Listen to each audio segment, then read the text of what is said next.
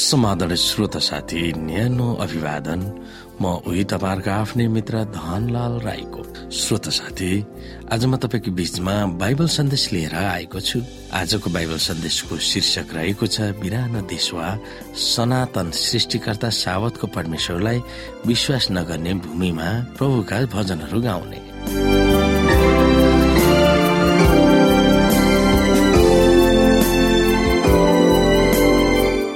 श्रोत साथी बिराने देशमा परमरूपका गीत हामी कसरी गाउन सक्छौ भनेर भजन संग्रहको पुस्तक एक सय सैतिस अध्यायको चार पदले भन्दछ।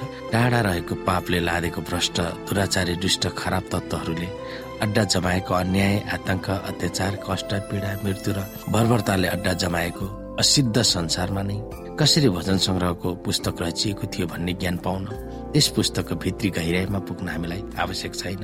सार्वभौम प्रभुले सृष्टि गर्नुभएको सञ्जाल र सञ्चालन गर्नुभएको स्थायित्व दिने लक्ष्यले रचिएको यस पृथ्वीमा उहाँका धर्मी वा उचित विधिहरूलाई पाप र दुष्टताले निरन्तर रूपमा चुनौती दिँदै खतरामा पारिरहेको छ। जब पापले संसारमा भ्रष्टताको ज्याजतीले अड्डा जमाएकोले परमेश्वरका जनहरूलाई यो पृथ्वी दिनदिनै बिरानो भइरहेको छ। नैतिक मूल्य मान्यतालाई ओझेलो पारेको र खराब तत्वहरूले राज गरेको यस वास्तविक संसारमा रहनु भजन संग्रहका लेखकहरूका निम्ति समस्या नै भइरहेको थियो र ती भजन गाउनेहरूको निम्ति पनि समस्या नै भइरहेको छ। आफ्नै देशको नागरिक भए तापनि आस्थाको जीवनमा धक्का परिरहेको परिप्रेक्ष्यमा विश्वासीहरूको निम्ति आफ्नै देश पनि बिरानो भइरहेको छ। यसुमा सत्यवादी भएर बाँच्न चाहनेको निम्ति कतिपय समयमा विदेशी धर्म अँगालेको भनेर आक्षेप लगाएर विश्वासीहरूलाई हेप्ने वा तुच्छ ठान्ने यस संसारका राष्ट्रहरूमा परमेश्वरमा आस्था राखी कसरी बाँचिरहने भन्ने प्रश्न खडा भइरहेको छ। परमेश्वर सार्वभौम हुनुहुन्छ र उहाँले आफ्नो शक्तिद्वारा शासन गर्नुहुन्छ र उहाँले धार्मिकताको आधारमा न्याय गर्नुहुन्छ भनेर भजन सङ्ग्रहका लेखकहरूले व्यक्त गरेका हामीले पढ्यौँ। उहाँका भक्तजनहरूलाई दुःख र कष्ट परेको समयमा उहाँले अटुट रूपमा सुरक्षा दिनुहुन्छ र उहाँ अनन्तको परमेश्वर हुनुहुन्छ भनेर तिनीहरूले स्वीकारेका छन्। सार्वभौम र असल प्रभुको राज्यमा पनि दुष्ट र खराब तत्वहरूको किन बिगबिगी चलिरहेको छ भन्ने विषयमा भजनका लेखकहरू अकमक्क परिरहेका थिए। वा हामीलाई वा हामीमा कसलाई त्यस्तो भावना नहोला। भ्रष्ट अनैतिक र अत्याचारको भुमरीमा परमेश्वर कहाँ हुनुहुन्छ भनेर सोध्ने को नहोला। कतिपय समयमा भजनहरू विरोधाभास वा अन्तर्विरोधको समयमा रचेको पनि पाइन्छ।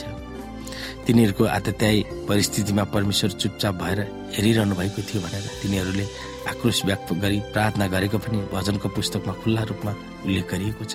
देखावटीमा परमेश्वर चुपचाप रहनु भएको साथै उहाँको उपस्थितिको अनुभव पनि भजनका लेखकहरूले व्यक्त गरेका भजनहरू भजन संग्रहको पुस्तकमा पाइन्छ।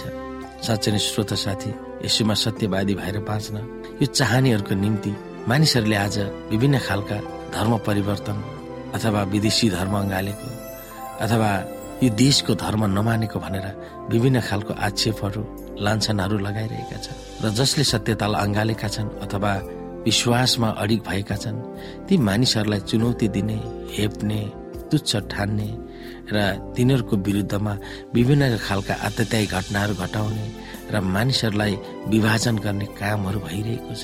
यिनै कुराहरूमा पनि हामीले परमेश्वरलाई प्रार्थना गर्नुपर्दछ। भजन सङ्ग्रहको गीतहरू हामी गाउनु पर्दछ र ती समयमा पनि ती परिस्थितिहरू आएका थिए र अहिले पनि त्यो परिस्थिति जीवितै छ।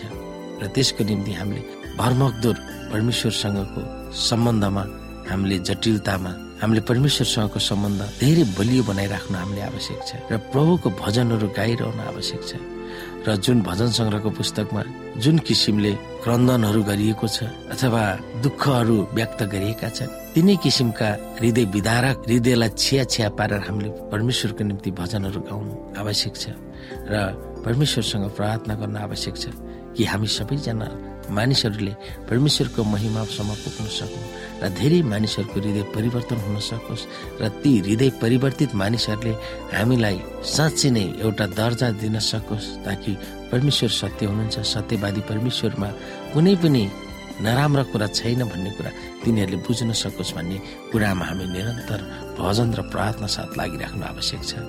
र यिनै कुरामा हामी विचार गर्न सक्छौँ कि सारा मानिसहरूको निम्ति हामी एउटा अगुवाई बन्नु पर्दछ अथवा बाटो बन्नु पर्दछ र ती बाटोलाई मानिसहरूले पछ्याउन सक्दछन्।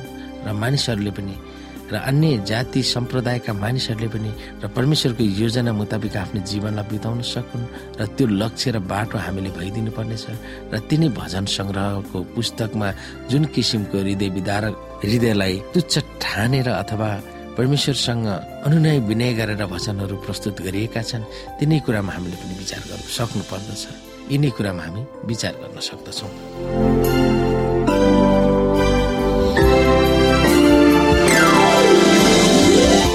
श्रोता साथी आजको लागि बाइबल सन्देश यति नै।